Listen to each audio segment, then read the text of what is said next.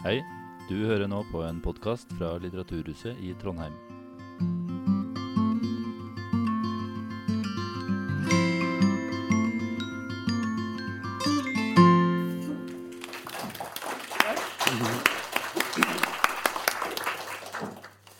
Ja, velkommen skal dere være til denne kvelden med Håkon Dale.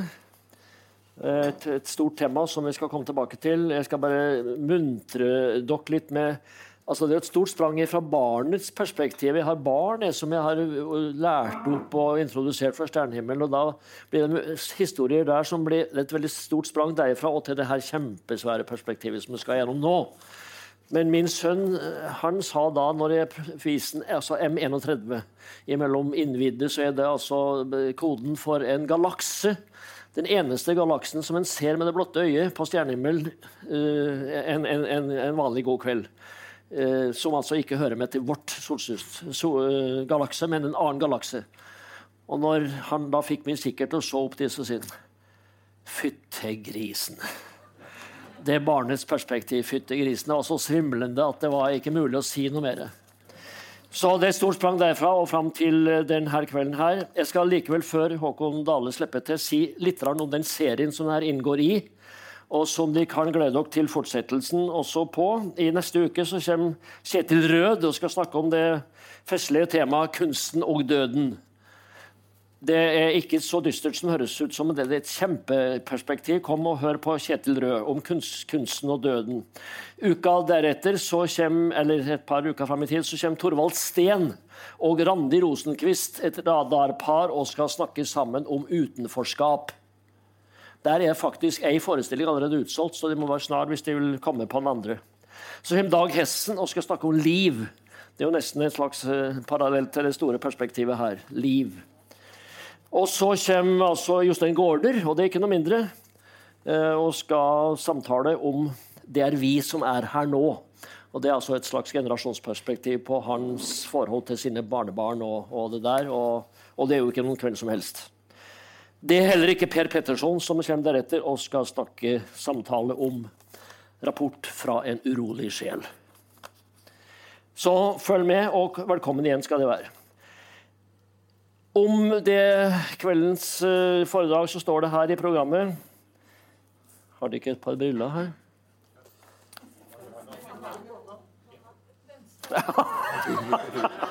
er det ikke typisk? Det er helt typisk. Her står det Teleskoper lar oss se bakover i tiden, nesten helt til universets begynnelse. Første juledag 2021 ble et nytt romteleskop sendt opp i verdensrommet, James Webb Space Telescope. Dette er større og mer følsomt enn sin forgjenger Hubble Space Telescope. Foredraget gir en oversikt over dagens kunnskap om hvordan universet har utviklet seg fra starten fram til i dag. Hva er vi ganske sikre på? Hvilke deler av universets historie har vi mindre sikker kunnskap om? Og hvilke biter i dette puslespillet vil James Webb Space Telescope og andre planlagte nye teleskoper kunne fylle ut? Og sist, men ikke minst, finnes det noen grenser for hva det i det hele tatt er mulig å få kunnskap om. Håkon Dale, altså astrofysiker, har nettopp fått høre at det er faktisk det samme i dag som en astronom. altså. Eh, med forskningsbakgrunn fra USA, Canada, Frankrike, Danmark og fra Universitetet i Oslo. Hans forskning har i stor grad vært basert på bruk av bakkebaserte teleskoper som nordisk optisk teleskop og romteleskoper som Hubble Space Telescope. Og nå skal han jobbe med noen av de første observasjonene som blir gjort av dette nye teleskopet, James Webb. Altså nær sagt lykke til. Tusen takk. Ja. Takk for uh, introduksjonen, og takk for invitasjonen. Ja, det er en imponerende rekke av foredragsholdere dere har, så jeg skal prøve å gjøre meg fortjent til å komme og bli føyd til den. Ja, uh, Introduksjonen sier jo litt om hva dette skal handle om. Uh, så jeg tenkte sånn helt i starten at jeg skulle ta det perspektivet at vi på en måte beveger oss utover. Eh, men da beveger vi oss også altså, tilbake i tid. Fordi lyset det beveger seg med en endelig hastighet. 300 000 km i sekundet. Eh, 300 000 km det er omtrent avstanden til månen. Så når astronautene, den gang da astronautene dro dit for uh, ca. 50 år siden, så kunne man altså snakke, holde en dialog gående, fordi da var det ett sekund det tok for radiosignalene å gå ut dit, og ett sekund for uh, svaret å komme tilbake. Da var det mulig å holde en dialog gående, men det betyr jo da at månens avstand fra oss, hvis vi skal bruke vi si, astronomiske enheter for avstanden, så er det et lyssekund. Altså den avstanden lyset tilbakelegger i løpet av ett sekund. Og det er så langt vi har nådd, altså mennesker. Eh, bemannet romfart. Det er eh, så langt vi har klart å nå fram til i dag. Og det er veldig, veldig kort i forhold til de avstandene jeg skal snakke om eh, resten av kvelden. Men vi har klart å sende ting, sonder, lenger ut. Lenger utover. Faktisk så har det vært uh, ubemannede sonder som har besøkt alle planetene i vårt solsystem. Uh, ikke landet på de, riktignok, fordi det er ikke alle som har overflater å lande på engang. Uh, men uh, man har vært og undersøkt, fløyet sonder forbi, og videre utover. Så du kan si det, det som har nådd lengst, det er eh, to sonder som kalles, ble kalt for Voyager, som ble sendt ut på slutten av 1970-tallet, og som man fortsatt har kontakt med. Og eh, det som var litt artig, det var jo da eh, Etter at disse sondene hadde passert eh, utenfor den ytterste planeten i solsystemet vårt, Neptun, så var det jo da den kjente astronomen Carl Sagen som kom på en idé om at ja, men hva hvis vi snur den rundt og tar bildet tilbake innover mot planetene i vårt solsystem? Dette var da Voyager 1. Eh, den av de sondene som har nådd lengst ut til nå. Så hver av disse er jo da eh, Som dere ser her eh, Det er jo da et bilde. Man ikke, klarte ikke å ta et bilde som fikk plass til alle, så man måtte liksom eh, lage en mosaikk av mange bilder. Og så er det vist her eh, de forskjellige planetene man klarte å ta bilde av. Så det var eh, Venus, jorda eh, Mars var bak sola akkurat da, og Merkur var, sto for nære sola. Den er den innerste planeten. Og så har vi da Jupiter, Saturn, Uranus og Neptun. Så man da klarte å ta bilde av et slags familieportrett av eh, planeten i vårt solsystem. Så denne sonden har da nå nådd så langt ut at det tar 20 timer for signalet å nå tilbake til oss. Så 20 lystimer, det er så langt vi mennesker har greid å sende, sende sonder utover i universet. 20 lystimer. Og det tilsvarer omtrent 155 ganger avstanden mellom jorda og sola. Men eh, hvis vi skal da finne, få kunnskap om resten av universet, alt som befinner seg lenger ut, så er vi da tvunget til å sitte her på jorda, eller i verdensrommet, ikke så langt utenfor jorda, og motta signaler og tolke de fra verdensrommet. Uh, I første rekke så er det snakk om elektromagnetisk stråling, altså lys, men også andre deler av spekteret, sånn som radiobølger, røntgenstråling, ultrafiorett, infrarødt, mikrobølgestråling. Alle typer elektromagnetisk stråling som sendes ut av himmellegemer som vi klarer å registrere. Eh, og hvis vi da i starten i hvert fall holder oss til det synlige lyset og ser utover, så er det sånn at kanskje det mest Hvis man er på et riktig mørkt sted, og i hvert fall på den sydlige halvkule, så er det kanskje mest iøynefallende himmelobjektet det er faktisk Melkeveien, altså vår egen galakse, som man da ser som et bånd over himmelen. Så her har jeg tatt et bilde fra et veldig mørkt sted. Et observatorium i Chile, i Atacama-ørkenen. Og her ser vi altså innover mot de sentrale delene av vår egen galakse. Så vår galakse er altså en ansamling av stjerner. Ca. et sted mellom 250 milliarder og 400 milliarder stjerner totalt. Som er formet litt som en diskos. En uh, sånn bulk i midten og så en uh, rund skive rundt.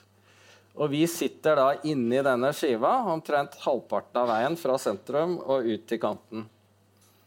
Og her ser vi da innover mot kanten.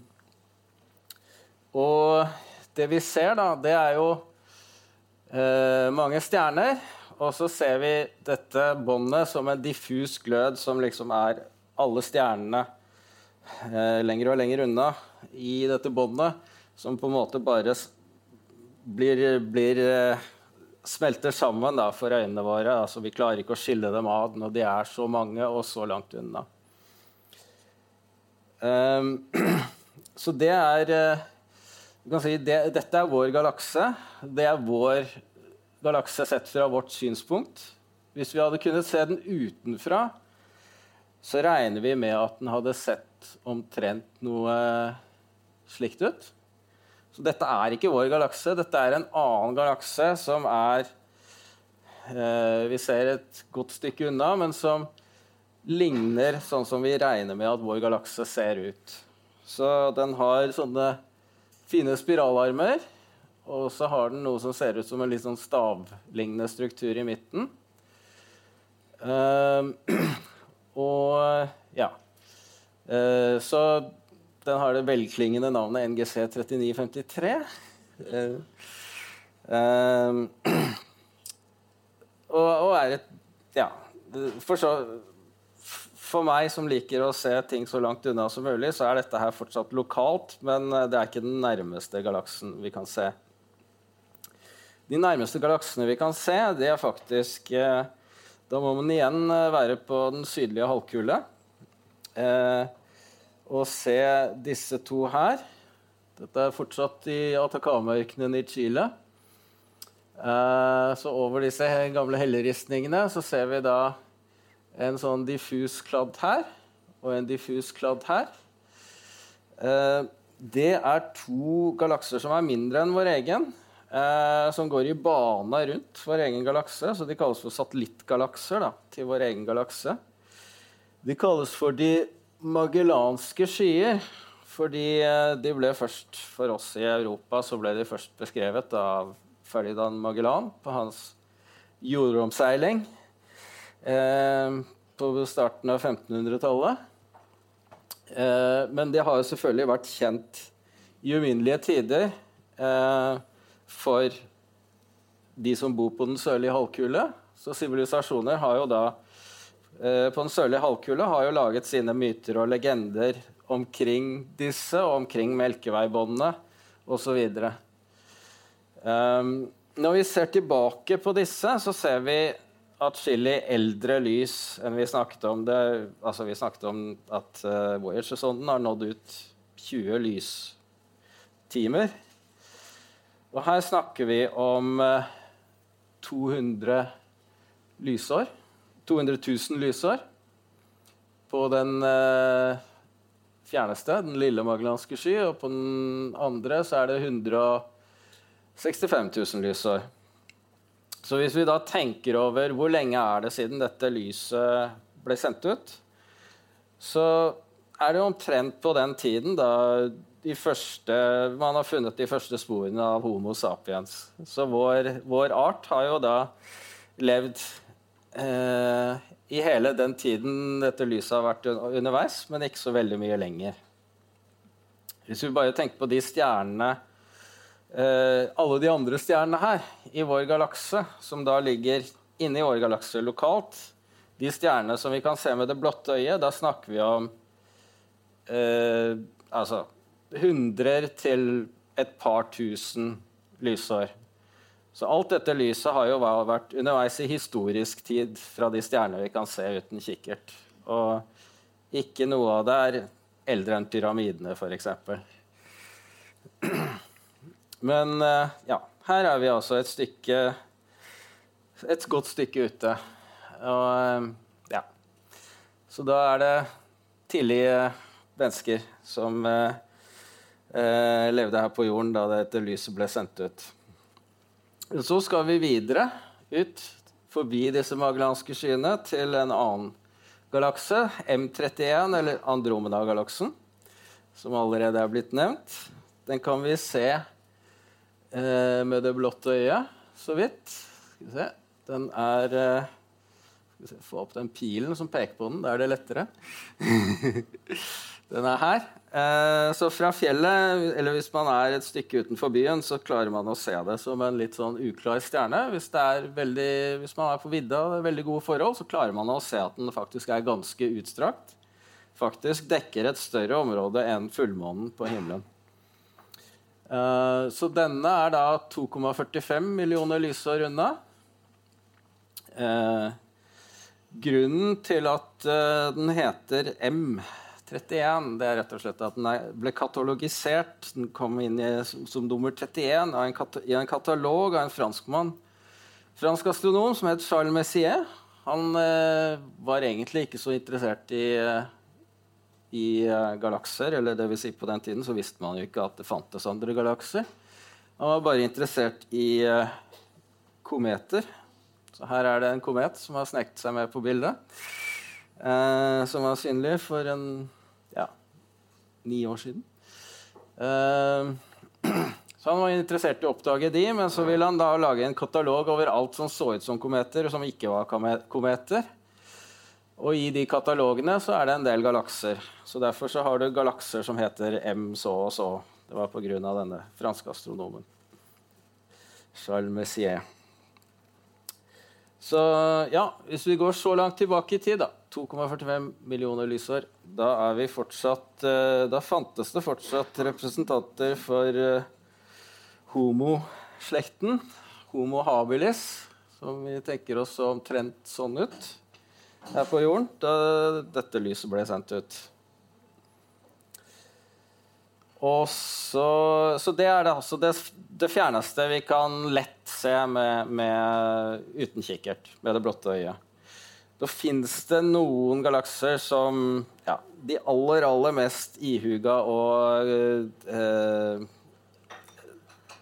Amatørastronomene med svært godt syn mener å ha kunnet sett enda lenger unna galakser som er sånn Det er lett å se det i en liten kikkert, men du strever med å se det med det blotte øyet. Men, eh, men Andromeda-galaksen den den er, ganske grei.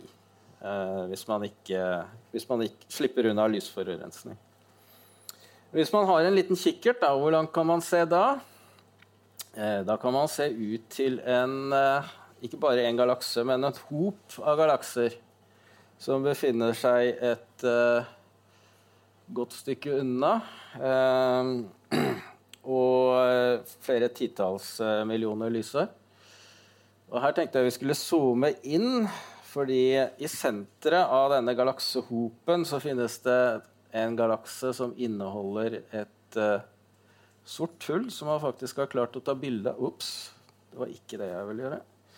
Jeg vil prøve å klikke på den der. Sånn. Ha. Dette er uh, mellom stjernebildet Løven og Jomfruen i stjernebildet Jomfruen. Eller Virgo, som det heter på latin. Uh, så hvis vi zoomer oss inn her Så kommer vi til slutt til denne galaksen her. Og inni denne galaksen så ser vi en sånn stråle som dette her, som ser ut til å stråle ut fra kjernen av galaksen. Og zoomer vi oss enda lenger inn, så ser vi dette her. Dette her er gass som omgir det sorte hullet i midten her. Så et sort hull er altså et legeme som har så stor, kraftig tyngdekraft, gravitasjon, at selv ikke lyset klarer å slippe unna det. Og pakket inni her så har vi altså en masse, en uh, mengde materie som tilsvarer tre milliarder ganger det sola veier. Pakka inni her. Og det klarer man å ta bilde av ved å koble sammen radioteleskoper over hele kloden, slik at de fungerer som om man hadde et teleskop som var like stor som jordoverflaten. Da klarer man å ta et bilde som er så detaljert som dette, så langt unna. Og hvor langt unna er det snakk om? Ja, Vi skal tilbake sånn 50 millioner år omtrent. Da så jorda sånn ut da dette lyset ble sendt ut. Nord-Amerika og Sør-Amerika hang ikke sammen. India var ikke helt kommet på plass uh, med, og forbundet med resten av Asia. Og ja, det var en del vann uh, steder hvor det ikke fins vann i dag. Og ja eh, Dette her er jo en sånn eh, halvape som levde vel kanskje litt etter, men ja, dette var jo etter dinosaurene, men da, etter at pattedyrene hadde overtatt. Så langt kan man se tilbake, og dette er da med en liten kikkert. Hvis man vet akkurat hvor man skal se. Og så, Hvis man har da et amatørteleskop, så kan man se enda lenger tilbake. Og eh, Saken med disse sorte hullene det er at man tror i dag at det finnes et sånt digert sort hull nesten inni hver eneste galakse. I senteret av hver galakse. Av og til så suger disse Blir det sendt gass inn mot dette sorte hullet, og da stråler det veldig kraftig. Altså Hvis denne angir seg med en skive med masse gass, så blir denne gassen varmet opp. Eh, og varmet opp så kraftig at den eh, skinner veldig veldig kraftig. Og Da kan den ses på store avstander. Og det er sånn at Den kan skinne så kraftig at den rett og slett skinner mye kraftigere enn alle stjernene alle de 100 milliarder eller så stjernene i denne galaksen. Så da ser man bare dette området som skinner, og da ser det ut på avstand så ser det ut som en punkt, som en stjerne, rett og slett. Bortsett fra at det ligger mye mye lenger unna enn stjernene i vår egen galakse. Så, sånn som denne her, hvis man har et teleskop som amatørastronomer kan kjøpe, hvor speilet er omtrent så stort, diameter på 20 cm, så kan man se ut til denne her. Den, ligger, den har, heter da E1821 pluss 643. Eh, og der, her er lyset reist i 3,5 milliarder år. Og inni dette sorte hullet, da, som har lysende gass rundt seg, så er det pakket inn 30 milliarder ganger solas masse. Eh, og 3,5 milliarder år, da, da, eksisterte jo fortsatt jorda, og det fantes faktisk liv på jorda, men det var veldig mye mindre komplekst enn det som er i dag. Så eh, man snakker om at det var på den tiden eh, man kan spore tilbake kan si at alle organismer som lever på jorda i dag, kan spores tilbake til Eh, en organisme som da levde på den tiden, som da er eh, forløper, eh, forgjenger til alt levende her på jorda. Og de første flercellede organismer ble kanskje dannet omtrent på den tiden, og tidligere varianter av fotosyntese kom i gang. Så ja Temmelig tidlig i eh, livets historie på jorda. Ikke Det var fortsatt noen hundre millioner før det igjen at livet oppsto. Man tenker vel for en, mellom 3,8 og 4 milliarder år siden at livet oppsto på jorda. Og så er det noe helt snodig som gjør at man faktisk kan se mye lenger unna, men uh, man skal ha råflaks. Det er noe som heter gammaglimt. Uh, det er noe som skjer når en spesiell type stjerner, som er flere titalls ganger tyngre enn sola og har spesielle egenskaper i forhold til hva slags type grunnstoffer de inneholder, hvor fort de roterer osv. Når de dør, så dannes det et sort hull i kjernen. Og du får en skive med materie rundt det sorte hullet, eh, i hvert fall i et veldig kort tidspunkt. Ut fra denne skiven eh, vinkelrett på denne skiven så blir det sendt ut noen veldig kraftige stråler av materie som beveger seg nesten med lysets hastighet. Når de pløyer gjennom de ytre delene av stjerna, som ikke har kollapset, men derimot beveger seg utover, så får du utladet vanvittige mengder med energi som blir sendt i en bestemt retning. Hvis den retningen treffer oss, så vil vi se da gammaglimt, altså et utbrudd av gammastråler. Det er de, den type stråler som er det mest energirike type stråling som vi kjenner til. Så det kan oppfanges av satellitter som uh, finnes utenfor atmosfæren. Uh, og det, det, oppdaget man faktisk så tidlig som på 60-70-tallet. Uh, eh, fordi disse satellittene eksisterte for å se etter gammastråling fra atomprøvesprengninger på, i atmosfæren, som da var blitt forbudt. men så så man disse glimtene da, fra som kom fra verdensrommet isteden. Eh, og det tok eh, flere tiår før, ti før man skjønte hva det var. Eh, men det er altså ekstremt kraftige eksplosjoner. Og i 2008 eh, så kunne man se tilbake 7,6 milliarder år med det blotte øyet i 20 sekunder. Fordi da var det en sånn eh, så, sak som dette som da eksploderte dette er bilder som ble tatt av et automatisk kamera. Dette er lys, lysstyrke. Som, så høyere opp her er høyere, større lysstyrke. Dette er grensen for hva man kan se ved det blotte øyet. Du ser det er to punkter her som er over grensen, som er altså sterkere enn det man kan se med det blotte øyet. Sånn separert med sånn ca. 20 sekunder.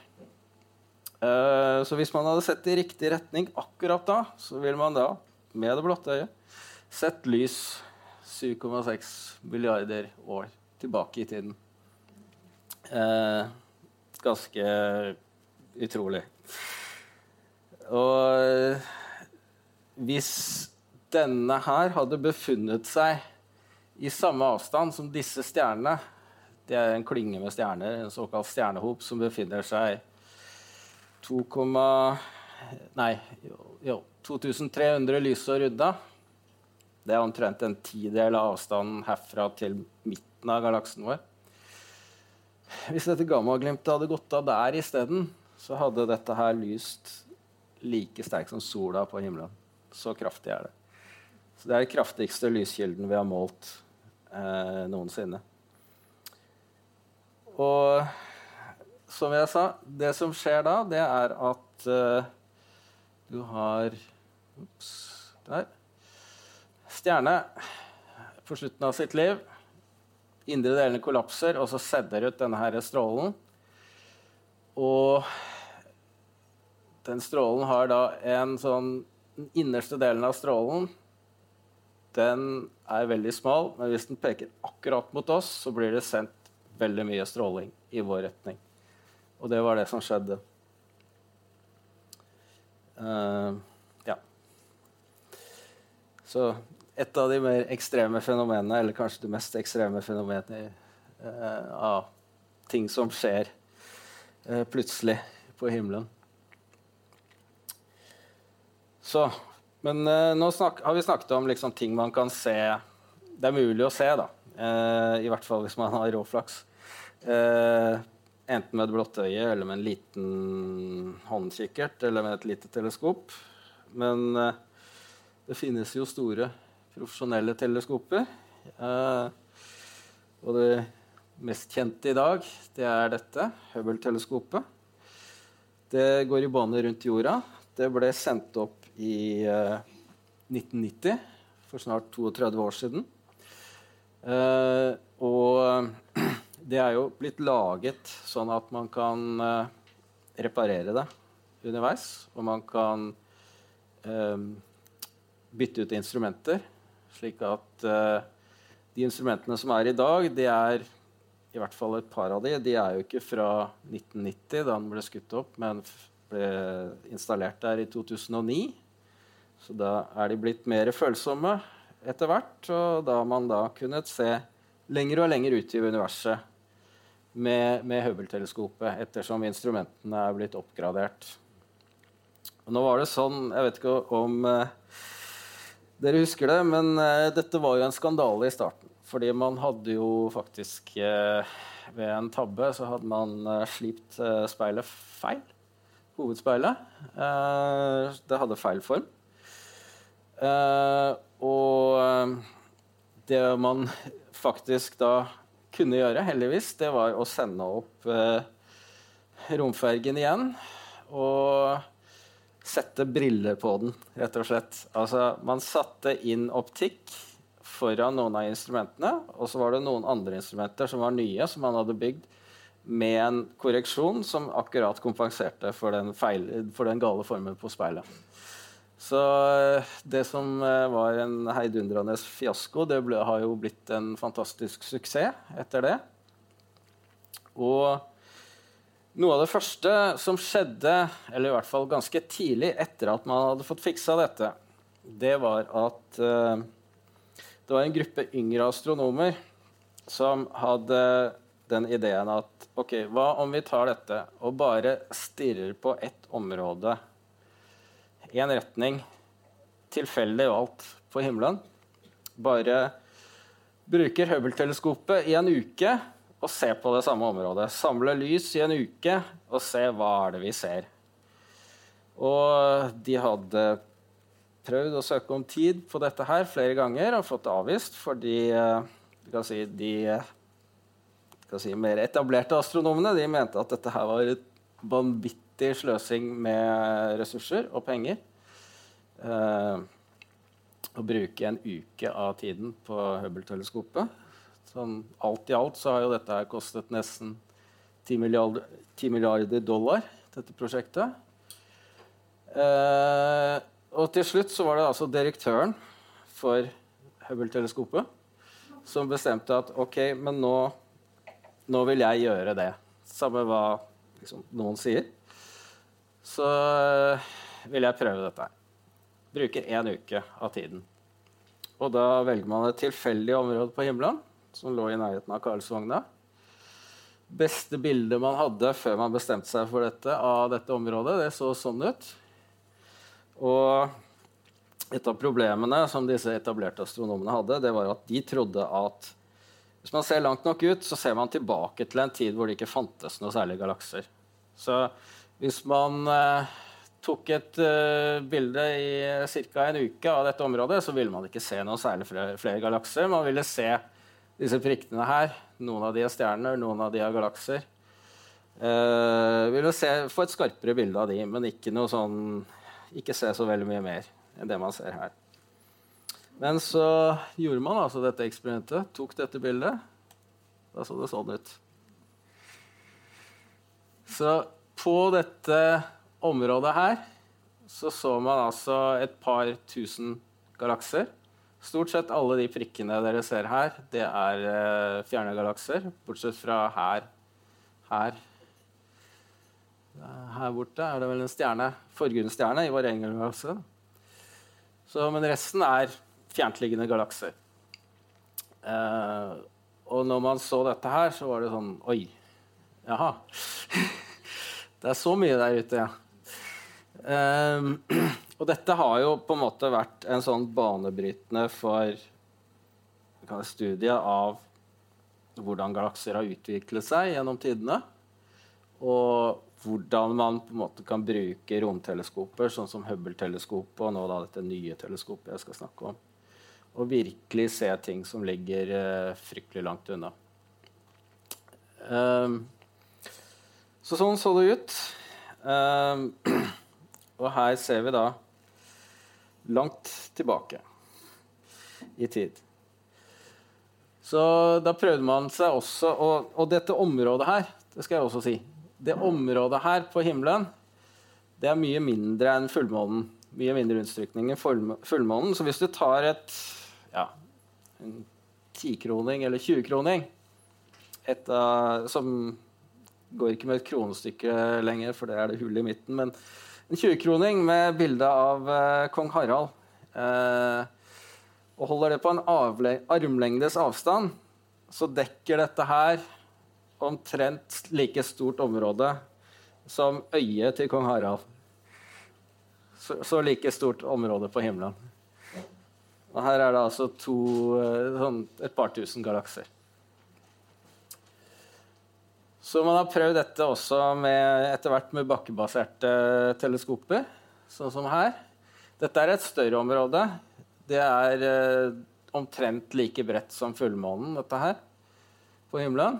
Eh, og eh, stort sett alle prikkene her, det er ikke stjerner, det er galakser. Det er noen stjerner, men de aller, aller fleste er fjerne galakser. Så ja. Vi snakker om at det kanskje da er en 100 milliarder galakser som vi kan se da over hele himmelen. Gitt at det er så mange på et så lite område som dette. Uh, galakser har jo vært studert i mange år. Uh, det er nesten akkurat 100 år siden at man fant ut at det fantes andre galakser enn vår egen. Fordi sånn som Andromeda-galaksen, f.eks. Eh, det var mange som hevdet at dette her og andre galakser at dette bare var strukturer inni vår egen galakse. At vår galakse det var liksom hele universet. Eh, Edwin Hubble, amerikansk astronom, han målte nøyaktig avstanden til Andromeda-galaksen og fant ut at den måtte ligge utenfor vår galakse. Det er omtrent 100 år siden.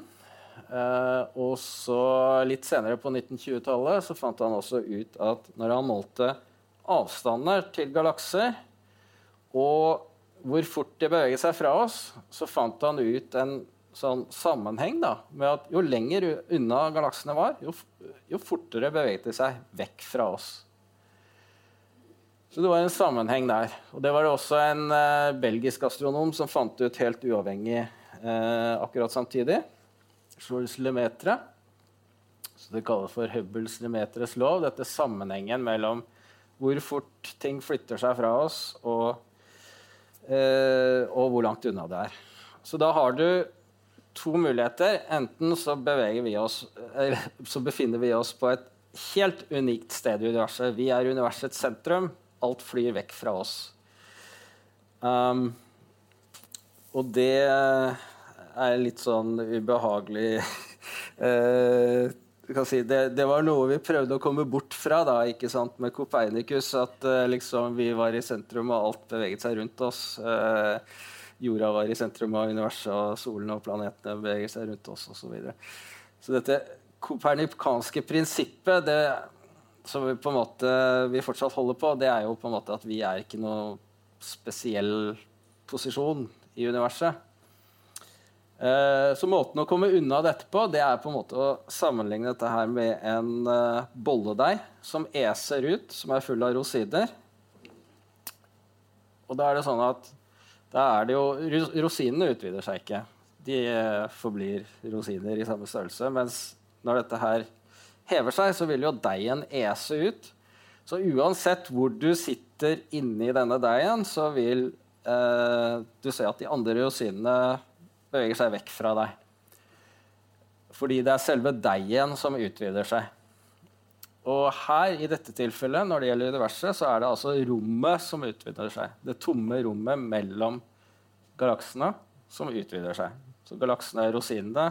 Det tomme rommet er deg Uh, så hvis man uh, tar det som utgangspunkt, så betyr jo det at uh, ting utvider seg nå, men da betyr det jo også at man kan kjøre filmen baklengs. Hvis man kjører filmen baklengs, så kommer man til slutt til et punkt hvor avstanden mellom oss og Andromeda-galaksen f.eks. er uendelig liten. Så da har du et starttidspunkt.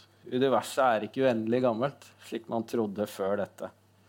Og universet endrer seg med tiden. Universet har en start. Og i dag så regner vi med at den starten var for 13,8 milliarder år siden. Eh, de beste beregningene av dette her. Og eh, det betyr at i starten eh, Ikke helt i starten, men kan si eh,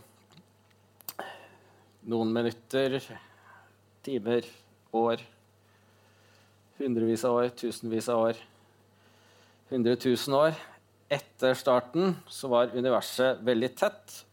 Og når det var veldig tett, så måtte det også vært veldig varmt, ifølge fysikkens lover. Universet var tett og varmt tidligere.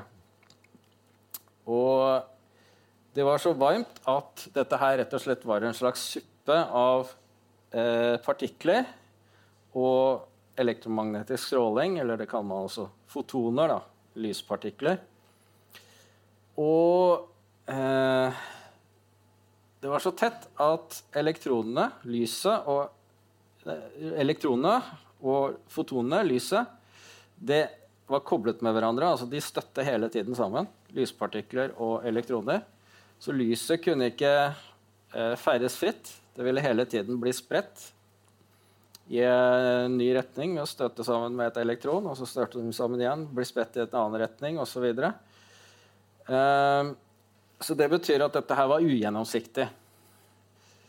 Men etter 300 000 år så hadde dette utvidet seg så mye og blitt så nedkjølt at elektroner og atomkjerner de koblet seg sammen og ble til normale atomer.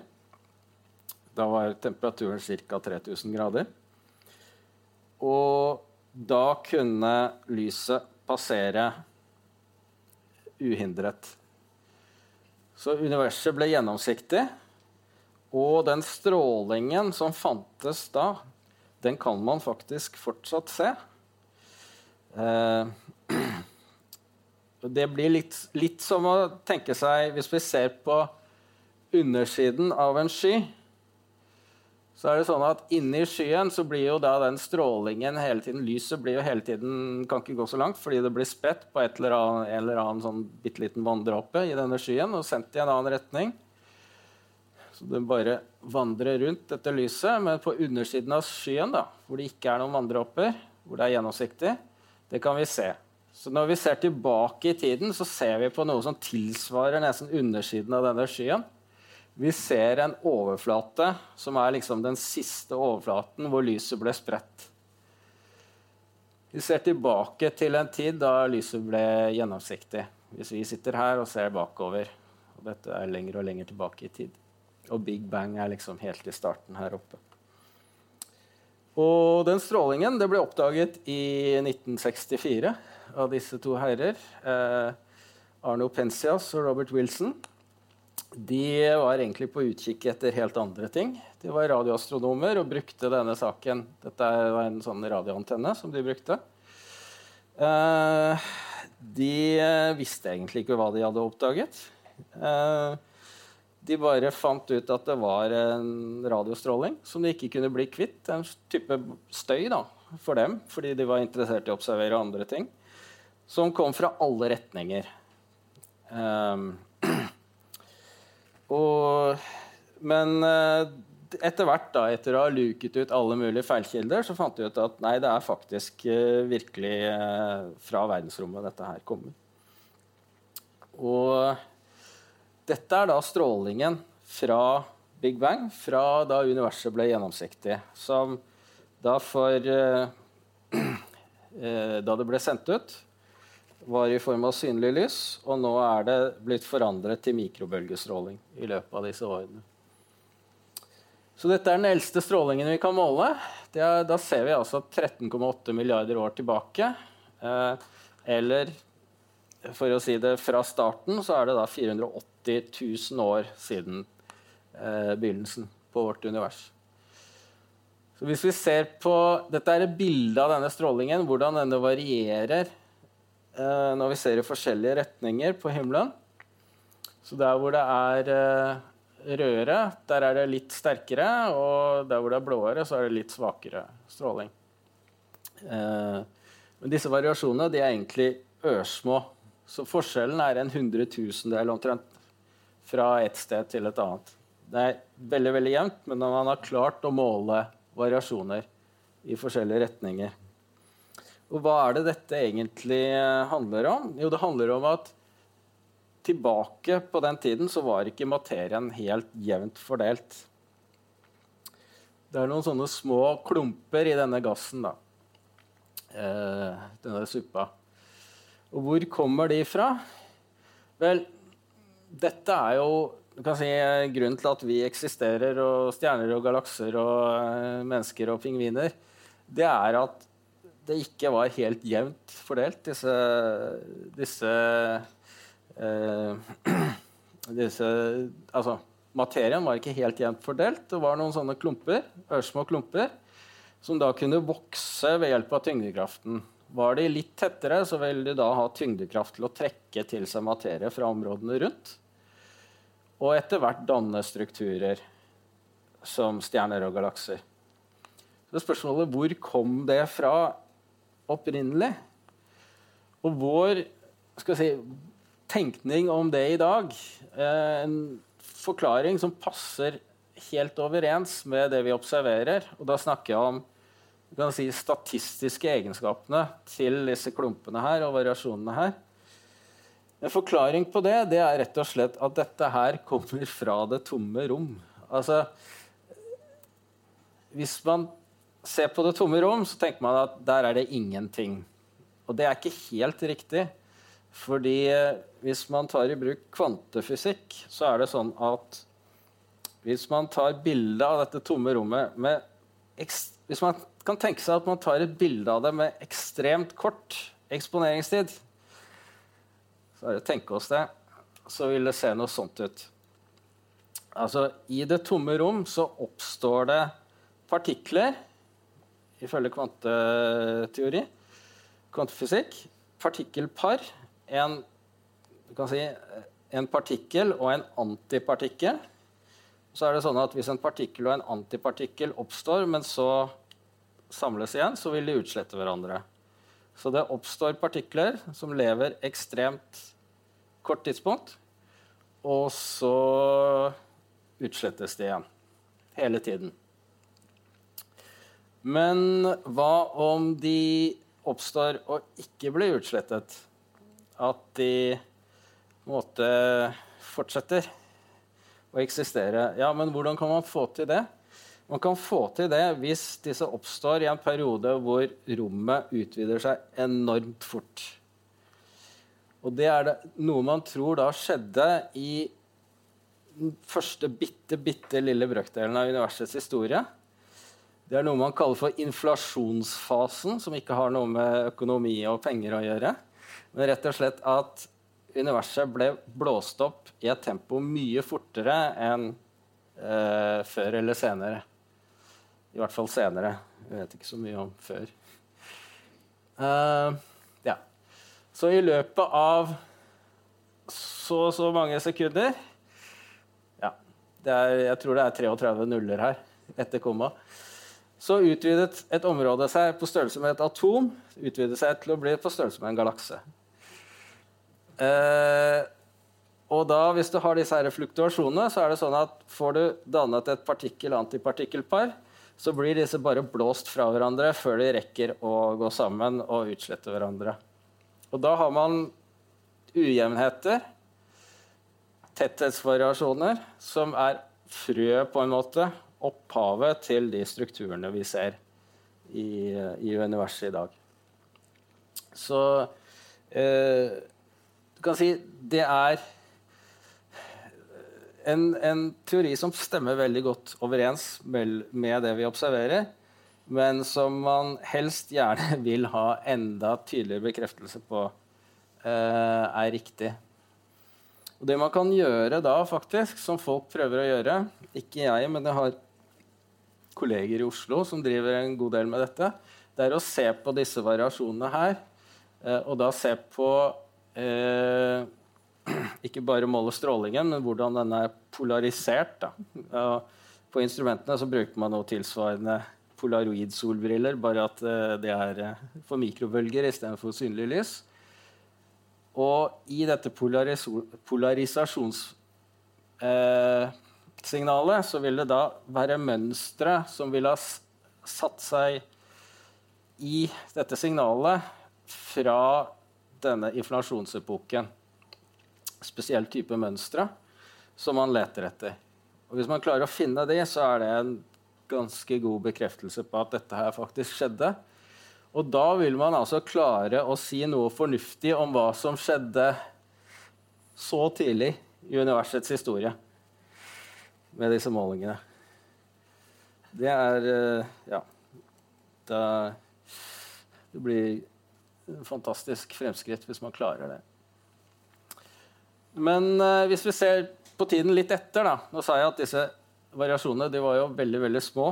380 000 år etter Big Bang. Men hvis vi ser på tiden etter dette eh, Hvis vi går mer sånn snakk om ja, 50 millioner år starter vi denne filmen etter Big Bang, så ser vi at disse, disse variasjonene er litt, uh, litt, større. Her er rett og slett bare en datamaskin som har regna på dette her.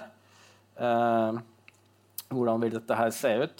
Uh, sånn fra 50 millioner år etter Big Bang og fram til i dag.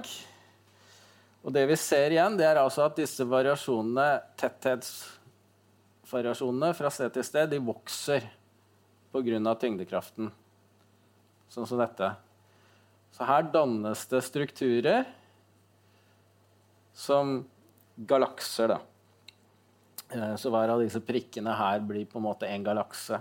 Og man ser at galaksene også er litt sånn fordelt i filamenter. Eh, det er noe man observerer i dag klumper seg sammen i hoper, som igjen da er danner filamenter.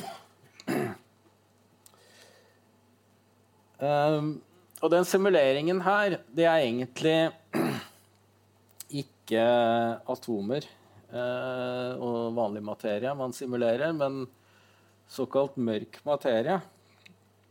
Det er rett og slett det ja, Det er jo litt sånn pinlig, da. Eh, fordi nå har jeg liksom sagt at vi kan finne ut hva som skjedde et bitte lite brøkdøl etter starten.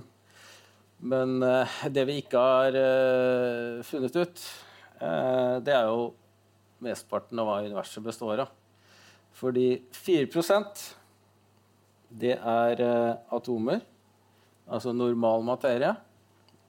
Mens eh, du har 22% som er såkalt mørk materie. Altså en type stoff som vi ikke Partikler, sannsynligvis, som vi ikke har funnet ut hva er ennå. Som ikke sender ut lys, men bare påvirker den synlige materien gjennom tyngdekraft. Og det er en effekt vi klarer å måle. Og så er det noe som heter mørk energi, som er 74 Og det er det Altså, det er Uh, man vet ikke helt hva Om det er energi, egentlig, eller hva, hva, det egentlig dreier seg om. Men det er i hvert fall det man kaller det som får universets utvidelse til å gå fortere og fortere. Uh, det skulle man i utgangspunktet ikke tro det ville, ville, gjøre. Man ville tro at det ville bremses etter hvert pga. tyngdekraften. Men det går altså fortere og fortere. Det var noe man fant ut på i 1998. Og man har egentlig ikke noe god forklaring på det, men man kaller det mørk energi. Man har noen teorier, men uh, man vet ikke helt om de uh, Ja, hvilken av de som er riktig. Uh, mørk materie har man kommet litt nærmere med. Altså Dette er partikler da, som ikke sender ut lys, men har masse. Eh, så det betyr at de ikke reagerer med lys, eller i hvert fall ikke reagerer med lys på et nivå som vi klarer å måle i dag. Så vi, Grunnen til at vi vet at det fins, er at vi rett og slett ser på galakser og ser hvor fort stjerner beveger seg rundt i galaksene, og skjønner at det må være noe mer materie enn det vi ser for, det, for å holde disse galaksene samlet. Ellers ville det hatt så stor hastighet at stjerner ville fløyet fra hverandre. Eller, altså, ellers ville stjernene fløyet fra hverandre, gitt den hastigheten eh, de har. Da må det være noe mer som trekker på det. Mørk materie. Nå, nå, vet vi ikke hva den mørke materien er, men vi klarer faktisk å lage kart over den. Og det er å bruke en effekt som heter gravitasjonslinsing. Og det er rett og slett at lyset blir bøyd av ikke bare disse stjernene som beveger seg rundt, men rett og slett lys. Hvordan lyset beveger seg gjennom universet. Det blir bøyda av tyngdekraften av denne, denne mørke materien. Så eh, Så det er vist her. altså Hvis vi sitter her og observerer en fjern galakse, lyset fra den passerer et eller annet objekt som inneholder da stjerner og mørk materie, sånn som f.eks. en galaksehop, som er vist her. Blir lyset litt bøyd av, så blir det fokusert mot oss. kan bli.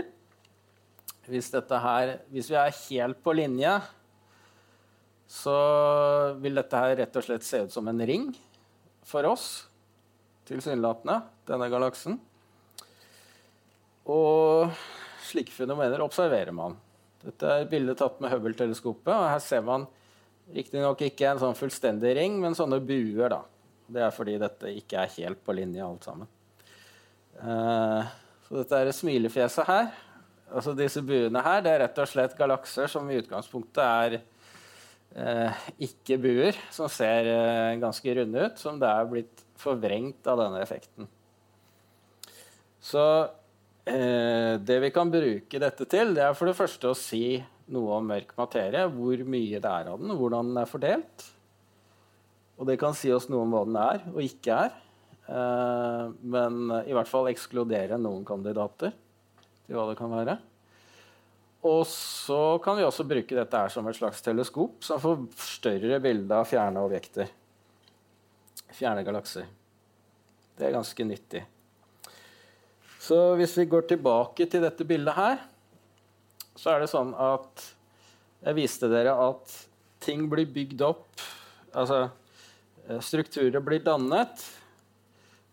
Hvis vi ser på disse galaksene her, hvis vi ser på de som ligger lengst unna, så er de mye mindre enn de som er nærmere oss. Og det er rett og slett at galaksene blir bygd opp gradvis ved at mindre galakser går sammen, smelter sammen og blir til større galakse. Så man kan se på det som et sånt tre hvor en galakse i dag er blitt dannet av Hvis dette er tiden da, som øker nedover Dette er i dag, dette er tidlig. Så er disse her bygd opp av mange sånne eh, mindre galakser som har gått sammen. Og dette skjer fortsatt i dag. Her er det to galakser som er i ferd med å krasje. Ganske nær oss. Og det vil skje i fremtiden. Her er eh, Melkeveien.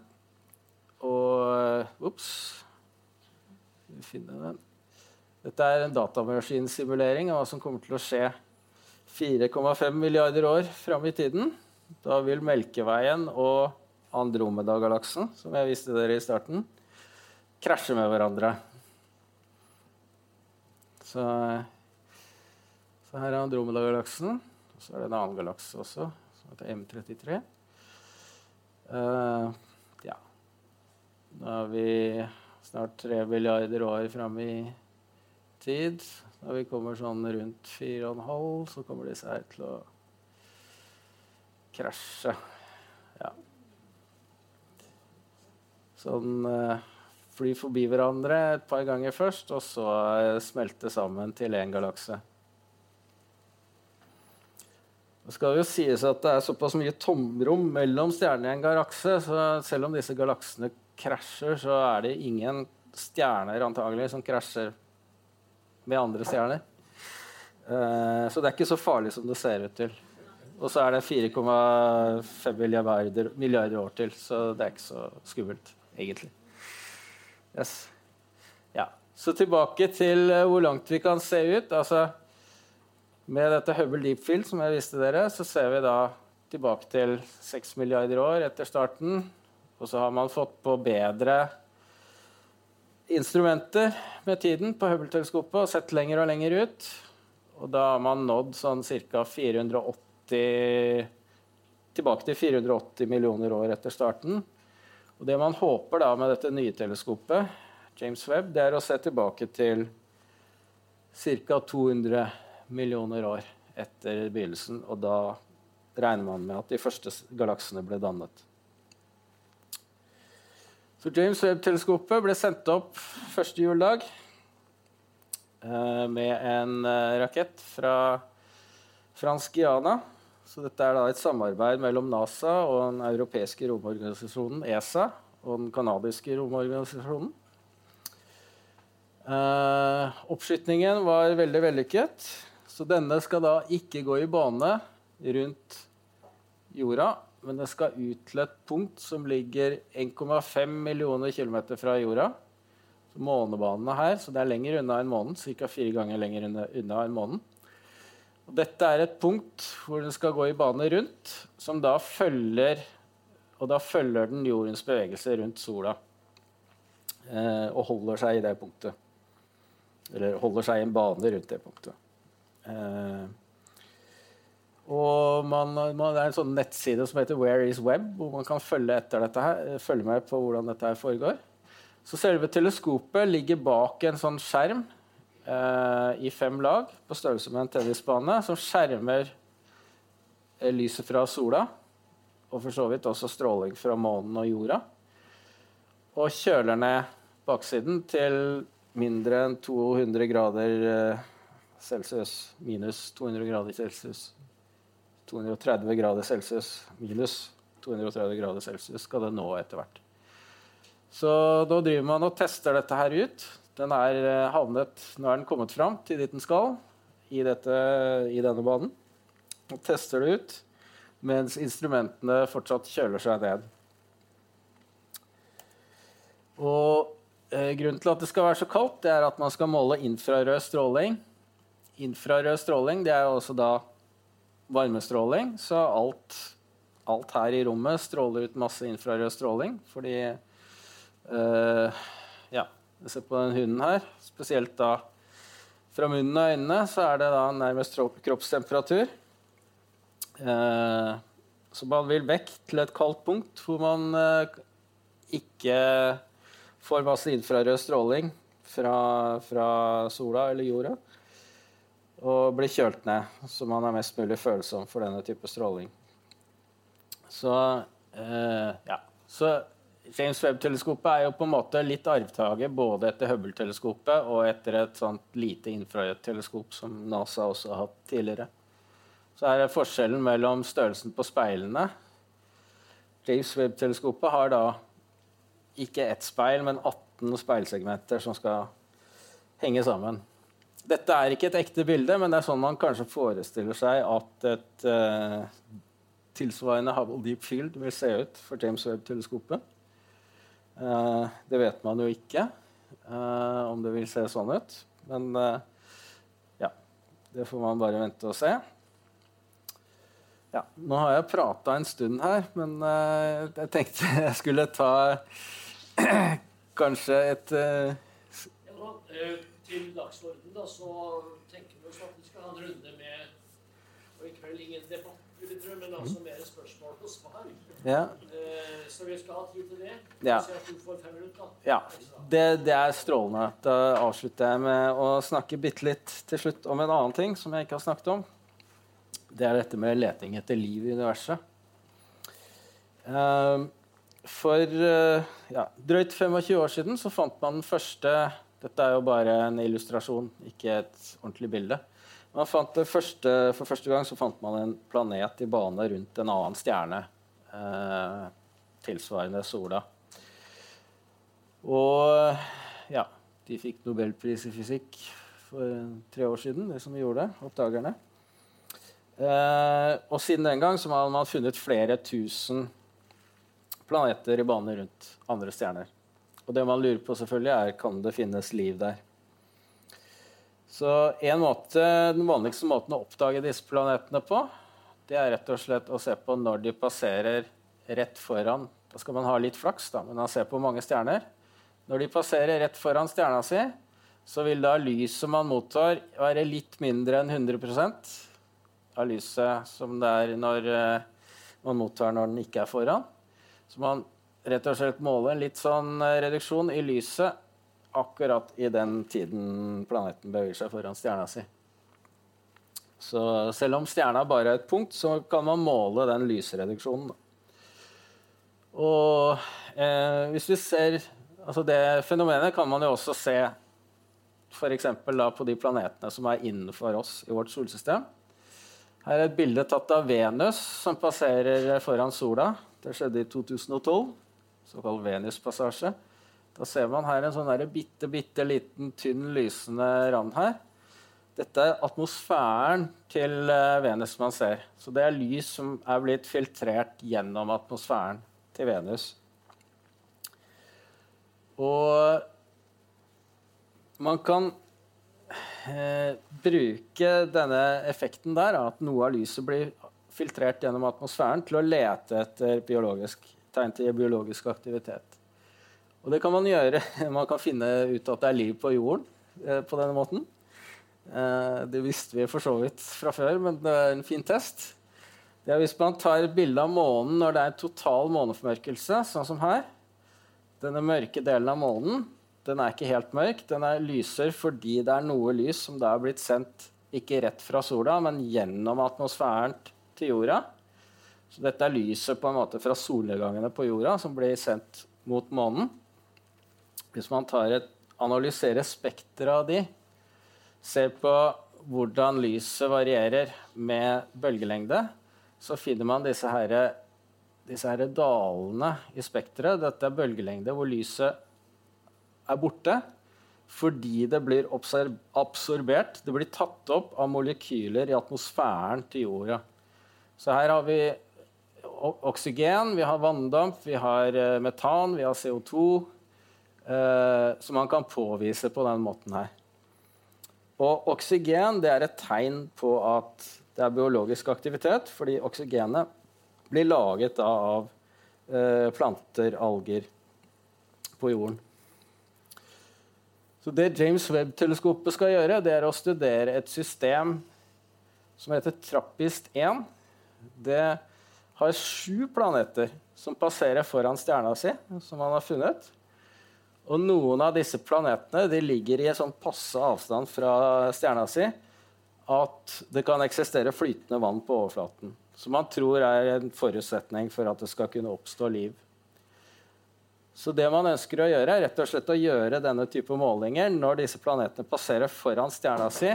Se om man kan se spor etter oksygen i atmosfæren. Da vil det være et tegn på biologisk aktivitet. Ja. Så da er vi eh, egentlig eh, mer eller mindre igjennom. Det, det har sikkert en god del spørsmål. Men jeg bare til slutt ramset opp det vi ikke vet ennå. Noe av, det, noe av det kan vi kanskje få svar på. Det er selvfølgelig hva som skjedde helt i starten.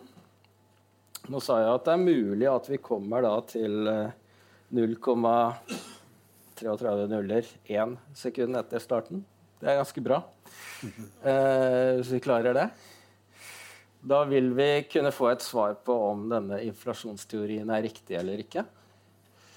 Så er det dette med hva er mørk materie. Det er en eller annen type partikkel. Vi vet ikke hva det er.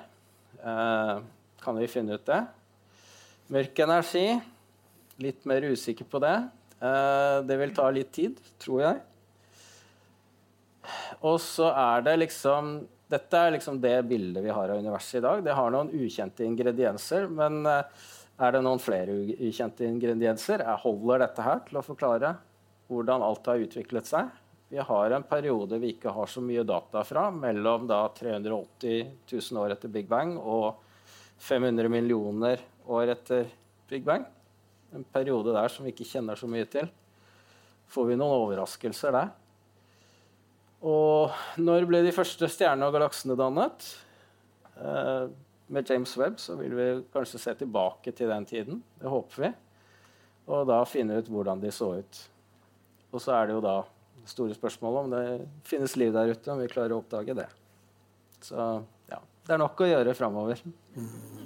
Yes.